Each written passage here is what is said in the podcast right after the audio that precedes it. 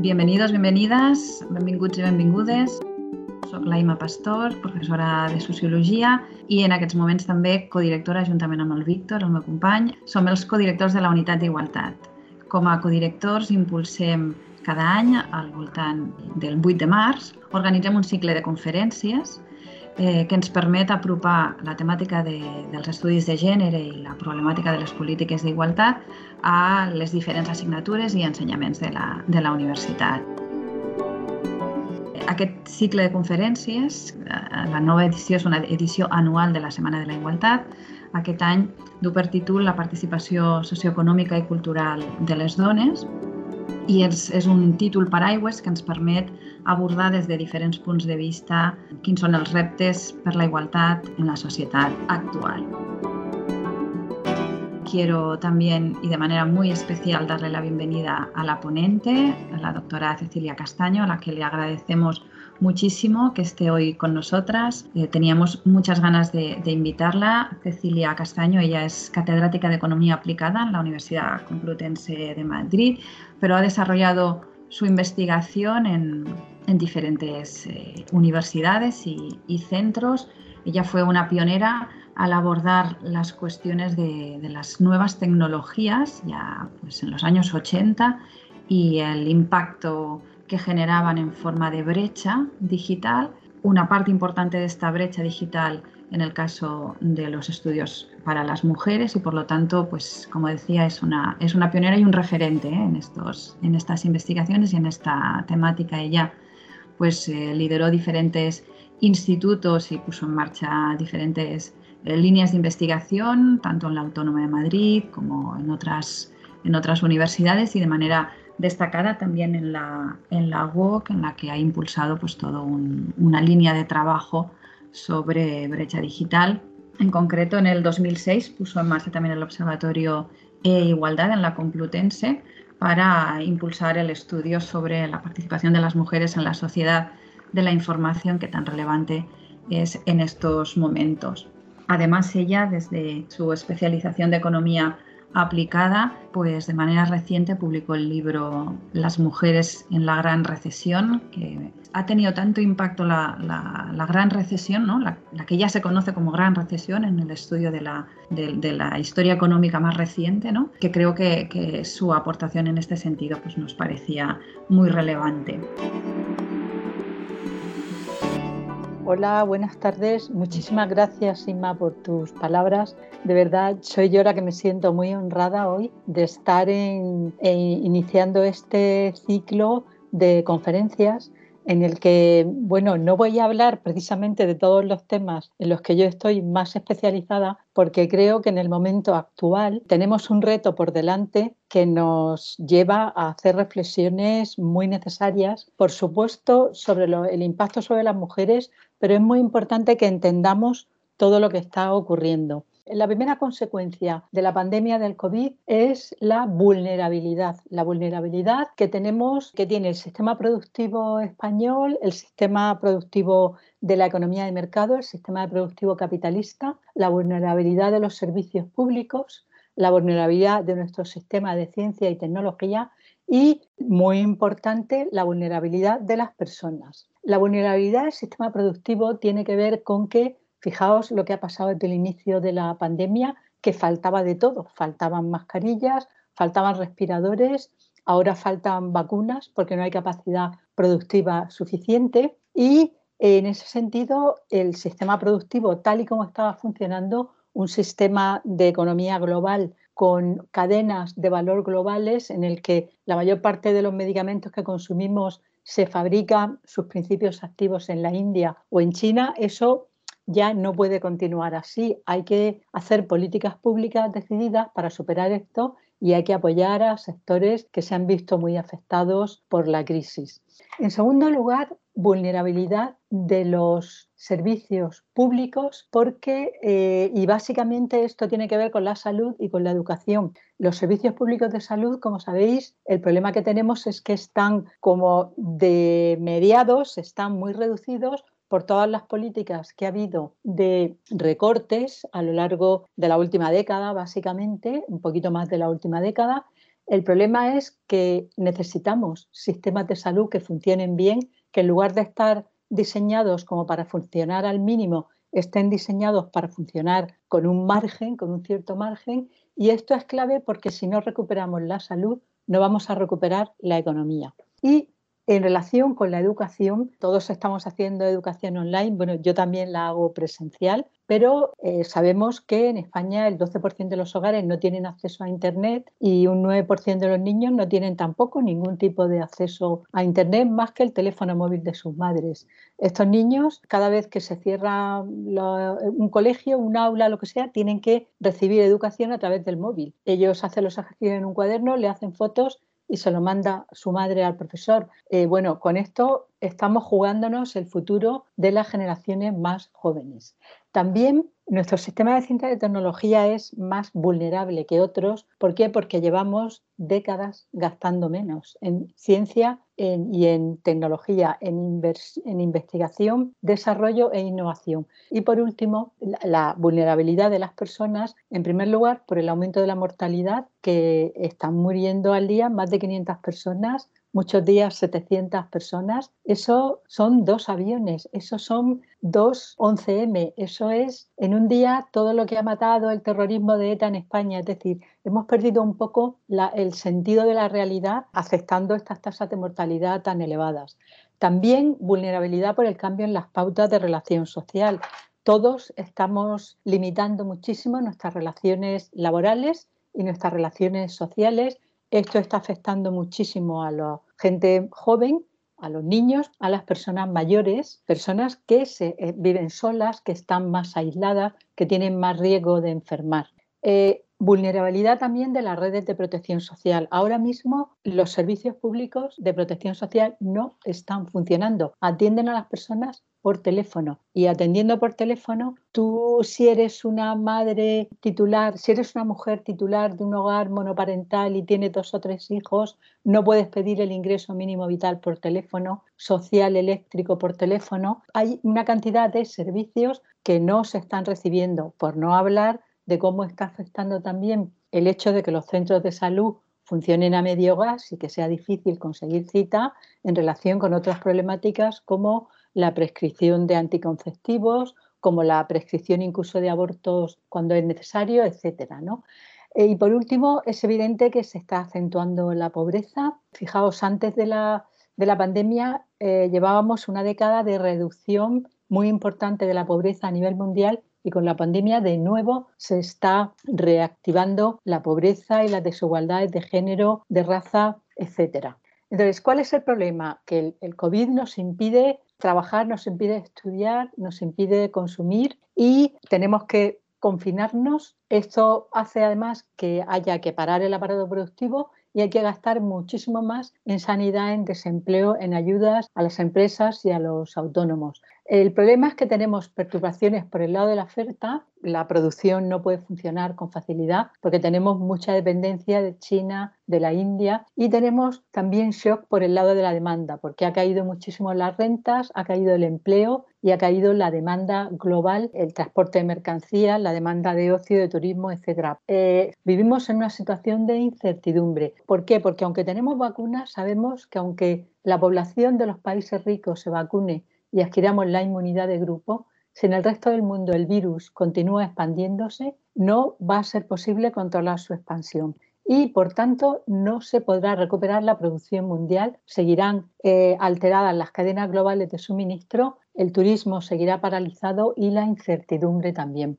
Entonces, ¿qué nos ha enseñado, qué nos está enseñando el COVID-19? Pues desde el punto de vista de las necesidades, nos está enseñando que tenemos que luchar mucho para reducir la pobreza y para reducir las desigualdades económicas. Nos está enseñando también que necesitamos contar con un sistema de salud que esté suficientemente dotado, no solamente de camas de hospital y de camas de UCI, sino también de personal sanitario. Sabemos que en España tenemos los mejores médicos del mundo, pero los peor pagados. A veces dice, es que en España faltan médicos. No faltan médicos, se van a trabajar al extranjero porque les reconocen su trabajo mejor y le pagan, y le pagan mejor.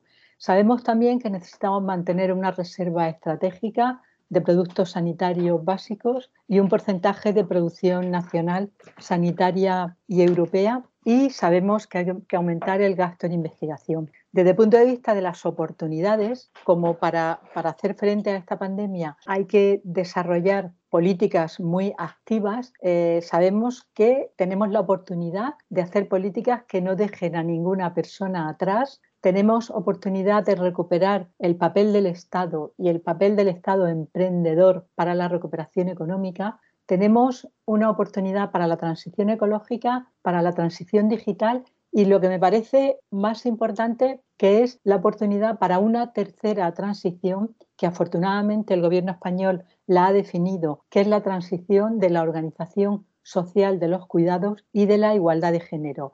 Entonces, la primera idea fundamental es que tenemos que pensar al revés, tenemos que invertir la lógica de nuestra visión de la crisis porque la crisis global que estamos viviendo y la crisis que estamos viviendo en España no es consecuencia de la infección, sino que es la manera que tenemos de enfrentarnos al virus. Eh, la paralización de la actividad económica es la manera que tenemos de enfrentarnos al virus. Si los trabajadores y trabajadoras se levantan por la mañana y no pueden alimentarse, no pueden lavarse, no pueden ir a, a su trabajo, no va a funcionar la economía y no va a haber bienestar económico y social.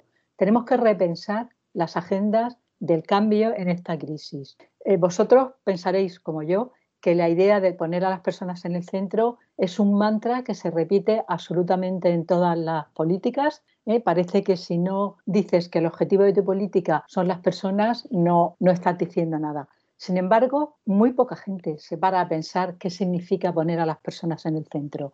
Fue eh, en el primer informe de desarrollo humano en 1990 se establecía que algo totalmente innovador, que el objetivo del desarrollo, siguiendo las teorías de Amartya Sen, era ampliar las opciones de las personas. Esto hace que tengamos que revisar muchas ideas y que tengamos que, que considerar el papel clave del Estado. El PIB, el Producto Interior Bruto, es el indicador fundamental de desarrollo pero en realidad el PIB como indicador del desarrollo nos está llevando a considerar que la producción está por encima del bienestar. Nos está llevando a una idea del bienestar como algo subordinado al crecimiento, a crecer mucho y a consumir mucho. Y todos sabemos que no somos más felices cuando consumimos más. Nos podemos creer que somos más felices, pero sabemos que las cosas no son así. La realidad es que el mundo es dual, nuestra realidad es dual, es cuantitativa y es cualitativa porque la realidad es así, la realidad tiene aspectos cuantitativos, pero no te puedes olvidar de los cualitativos. En ese sentido, no podemos ser prisioneros, prisioneras de esa disyuntiva falsa entre la salud y la economía, porque no podemos subordinar la economía a la salud ni la salud a la economía. Si hay algo que hay que hacer es buscar el bienestar de las personas, aunque sea a costa de crecer un poquito menos. La pandemia nos ha recordado que somos entes sociobiológicos. Las personas tenemos una faceta social fundamental y somos organismos vivos, organismos biológicos. Entonces, cuando queremos hacer políticas, tenemos que combinar el impulso transformador que tienen que tener las políticas con el cuidado. ¿Por qué? Porque, como decía antes, lo importante es lo cotidiano, lo recurrente, lo que ocurre cada día, la economía de la vida, las dinámicas sociales y biológicas del cuidado sin las cuales no tenemos bienestar. Y en ese sentido tenemos que reconocer la subjetividad humana, tenemos que reconocer las emociones, los pensamientos, los sentimientos y eso significa que a la hora de abordar las transformaciones necesitamos equipos pluridisciplinares que no solamente vean los objetos, que no solamente vean lo técnico, sino que le den importancia también a la experiencia humana. Entonces, eh, esto significa que los procesos de desarrollo, si queremos poner a las personas en el centro, tenemos que darles un papel eh, como participantes en la toma de decisiones, tenemos que establecer nexos entre lo, eh, lo, individual y lo comunitario, entre lo micro y lo macro. ¿Por qué? Porque el desarrollo, los procesos de desarrollo, los procesos de cambio no son hitos, son procesos, es decir, no son una sucesión de hitos que voy, de, como, de, como estos escaladores que dicen, voy a hacerme los siete, ocho mil que hay en el mundo, no sé si hay siete o hay más, ¿no? Entonces van haciendo hitos, no, eso no es el desarrollo, el desarrollo es un flujo, es un proceso que requiere conectar lo personal, lo local, con la globalización, con la comunidad planetaria. Esto, en términos de políticas públicas, es muy importante porque en general estamos acostumbrados a políticas públicas que se conciben como hitos y no como procesos. ¿Por qué? Porque le aplicamos a las personas el modelo mecánico. Entonces, es mucho más fácil decir, hay un problema de transporte, vamos a construir kilómetros de AVE, vamos a construir kilómetros de autovía, cuando a lo mejor lo que necesitan las personas no es un AVE, lo que necesitan es un tren de cercanías mejor, que funcione con más frecuencia, que llegue a más sitios. Pero ¿qué es lo que pasa? Que en política se busca mucho los hitos objetivables con un tiempo, con un coste exacto. Exactamente igual que cuando decimos vamos a digitalizar la escuela. Digitalizar la escuela no es llenarla de ordenadores, es darle formación a profesorado, es darle formación a todos los estudiantes, a los equipos que no son docentes, pero que también están trabajando, es preocuparse de cómo funciona la digitalización en la escuela, que no es un problema solamente de ordenadores. Entonces, cuando elaboramos políticas es muy importante que no las concibamos como hitos, sino que las concibamos como procesos, eh, como procesos que necesariamente involucran a personas en cadenas muy complejas de actividades y personas que por un lado están demandando el ingreso mínimo vital y por otro lado están yendo al colegio y por otro lado están yendo al médico. Allí hay muchos actores que necesitan coordinación, que necesitan articulación y que necesitan muchas competencias no hard, no tecnológicas, sino competencias sociales, de empatía, etcétera. Pero ¿qué es lo que pasa?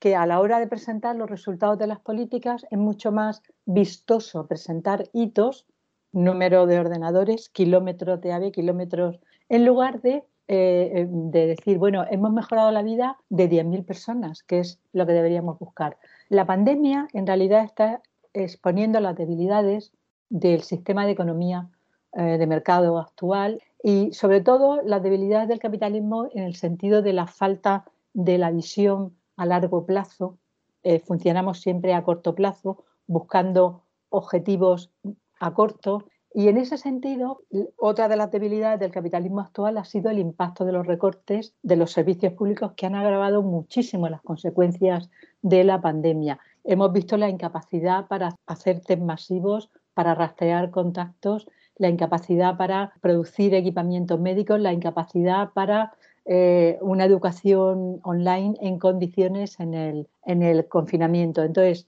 esto no ha sido en todas partes así. Hay estados que, en cambio, invirtieron mucho en las capacidades de sus sectores públicos y están teniendo mucho menos problemas en la pandemia actual. Y no, no necesariamente son estados socialistas, no, no tiene nada que ver con eso. Entonces, lo importante es que no podemos volver al estadio anterior. Y esto lo expone muy bien una economista que yo os recomiendo que leáis, que se llama Mariana Mazzucato. Ella es economista política. ¿eh? Eh, Mariana Mazzucato, en su último libro, que todavía está en inglés, pero se ha elaborado a partir de un informe que hizo para la Comisión Europea, eh, nos pone ejemplos de modelos de Estado emprendedor que me parecen muy importantes. Y pone el modelo del programa Apolo. ¿Os acordáis del programa Apolo, que fue el programa porque el hombre llegó a la Luna? Era un programa que tenía como objetivo aterrizar en la Luna. ¿no? Bueno, pues ella lo utiliza como modelo para que hoy día la Comisión Europea, por ejemplo, se plantee un programa de aterrizaje en la Tierra. No necesitamos aterrizar en la Luna ahora, necesitamos aterrizar en la Tierra, aterrizar en las personas. ¿Qué significa eso? Significa que cuando nos planteamos eh, un objetivo de desarrollo sostenible, por ejemplo, el océano libre de plástico, no hay una sola misión, sino que hay que desarrollar distintas misiones en las que tienen que colaborar eh, científicos y técnicos y trabajadoras y trabajadores de distintos ámbitos, pero coordinados por ese Estado emprendedor. Por ejemplo, el objetivo de un océano libre de plástico va a requerir inversión e innovación en transporte marítimo, que sea menos contaminante, que no puedan vaciar las, las bodegas de los barcos en alta mar. Va a requerir muchísimos avances en biotecnología, que no tiremos al mar productos químicos. Va a necesitar toda una política de gestión de, de residuos, etcétera, etcétera. Esto solamente se puede hacer con programas coordinados en colaboración entre el sector público que participa como emprendedor y el sector privado, pero con objetivos muy claros y planteando incluso limitaciones a los beneficios, como se hizo con el programa Apolo de objetivo aterrizaje en la Luna. Vamos a ver si somos capaces de aterrizar en la Tierra. Entonces, eh, la pandemia está acentuando la división social del trabajo por sexo y por género, porque las mujeres estamos a la cabeza tanto en los cuidados pagados como en los cuidados no pagados. Estamos a la cabeza en el personal sanitario, en el personal de atención a mayores y dependientes, en el personal de limpieza. Somos el 50% del personal del comercio y más del 70% del personal de la hostelería, eh, que sectores muy afectados por la pandemia. Y al mismo tiempo estamos a la cabeza en cuidados no pagados, las tareas domésticas, los cuidados en el hogar, la atención al cuidado de los hijos estamos más expuestas al contagio y al estrés que los hombres. El estudio de seroprevalencia que hace el Ministerio de Sanidad en la cuarta ronda, que es la última que tengo yo conocimiento, en noviembre de, 2020, eh, las mujeres son el segundo grupo más afectado por el virus. El primer grupo es el personal sanitario con una prevalencia global de 16,9. El segundo son las mujeres que cuidan dependientes a domicilio. El tercero, las mujeres ocupadas en tareas de limpieza y el cuarto, las mujeres trabajadoras en el sector sociosanitario. Imaginaos el panorama. Entonces, ¿cómo se está planteando en la Unión Europea y en, España la, alternativa a esta, a esta situación? Con tres transiciones a las que me he referido antes, que son la transición digital, la transición verde y la transición de los cuidados. La transición digital es la que está relacionada con la revolución, con la cuarta revolución industrial, tiene tres dimensiones. Una primera, que es la que le interesa muchísimo a la Unión Europea, que es conseguir estar en el top de la inteligencia artificial, del big data, del machine learning, de todo esto. Tengo que decir que eso no solamente le interesa a los gobiernos, eso también nos interesa a los ciudadanos europeos y españoles. Este es un ámbito en, el que el liderazgo, de momento, lo tienen Estados Unidos y China, no se sabe cuál tiene más liderazgo, pero eh, a nosotros no nos interesa que la Unión Europea y que España eh, nos quedemos detrás en este aspecto. Pero la transición digital tiene un segundo aspecto que me parece importantísimo, que es, y que afortunadamente está contenido en las políticas, que es que nadie se quede atrás. Que nadie se quede atrás en la educación en la digitalización de la educación, que nadie se quede atrás en la inclusión digital. Eso significa muchísima formación a toda la ciudadanía para que pueda utilizar los, las herramientas digitales y aprovecharse de ellas. Eso significa que nadie se quede atrás en el empleo porque le falten habilidades digitales. Y eso significa también incorporar las tecnologías digitales a la gestión de los servicios públicos. ¿Por qué? Porque, y esta es la tercera dimensión, la dimensión pandemia de la transición digital. Si los servicios públicos españoles estuvieran más digitalizados, habría sido posible conectar y operar conjuntamente los servicios de salud, los servicios sociales, los servicios de educación online. De manera que como ciudadanos también necesitamos la transición digital. Entonces, la transición digital no será completa sino incluye el, alientar y potenciar que las mujeres desarrollen carreras en los ámbitos tecnológicos y que ejerzan su liderazgo en el ámbito tecnológico. Me quiero detener en esto un minuto porque es muy importante, porque no se trata de que todas las mujeres o un porcentaje importante de las mujeres nos hagamos ingenieras, tecnólogas, tal, para poder ejercer ese liderazgo, pero también es muy importante que todas las mujeres en todas las carreras que no son tecnológicas mejoremos muchísimo nuestras habilidades digitales. ¿Por qué? Porque la literatura, la historia, la lengua, todas, por supuesto la salud, por supuesto las bellas artes, todas estas eh, nos dan muchísimas más posibilidades de empleo si sabemos manejar bien las herramientas digitales, que no significa solamente saber utilizar unos cuantos programas, sino que significa eh, saber cómo funcionan y por qué funcionan así, de manera que podamos ser creativas utilizando las tecnologías digitales. Y en ese sentido, esto es muy importante porque eh, como la, gobernanza digital no se puede reducir a un grupo pequeño de tecnólogos urbanos, varones, blancos, ya sabemos, el Homo economicus, ¿no? sino que tiene que incorporar la perspectiva de la diversidad la perspectiva de la convergencia de saberes en equipos híbridos que aporten una perspectiva humanística de la tecnología. Tenemos que repensar el modelo de crecimiento, tenemos que aumentar el esfuerzo en ciencia y el gasto en I+D, como decíamos antes. Y yo añado no solamente investigación básica, innovación, que son en el fondo políticas orientadas al objeto, vamos a generar más medicamentos, más vacunas, tal, sino que si queremos centrarnos en el sujeto, si queremos centrarnos en las personas, tenemos que hacer más intensivas en conocimiento y más intensivas en habilidades digitales todas nuestras actividades de producción de bienes y servicios y particularmente las que la pandemia nos ha demostrado que son esenciales, la educación, la sanidad, los servicios sociales, los servicios asistenciales que desde mi punto de vista son actividades intensivas en conocimiento, son intensivas en habilidades sociales, en habilidades personales y que reciben menos consideración social y menos consideración económica, se pagan menos porque están feminizadas. Entonces, es fundamental que incorporemos las herramientas digitales para el trabajo social, para la educación social, para todas estas actividades. ¿Por qué? Porque las trabajadoras sociales, los trabajadores sociales, las educadoras sociales, los educadores necesitan tener más habilidades digitales para atender adecuadamente a la población que tienen que atender. Y, en consecuencia, hay que adecuar sus niveles salariales al conocimiento, a las habilidades y no nos olvidemos a las responsabilidades. El trabajo de los eh, servicios sociales asistenciales implica unas responsabilidades enormes que hay que, que, hay que remunerar.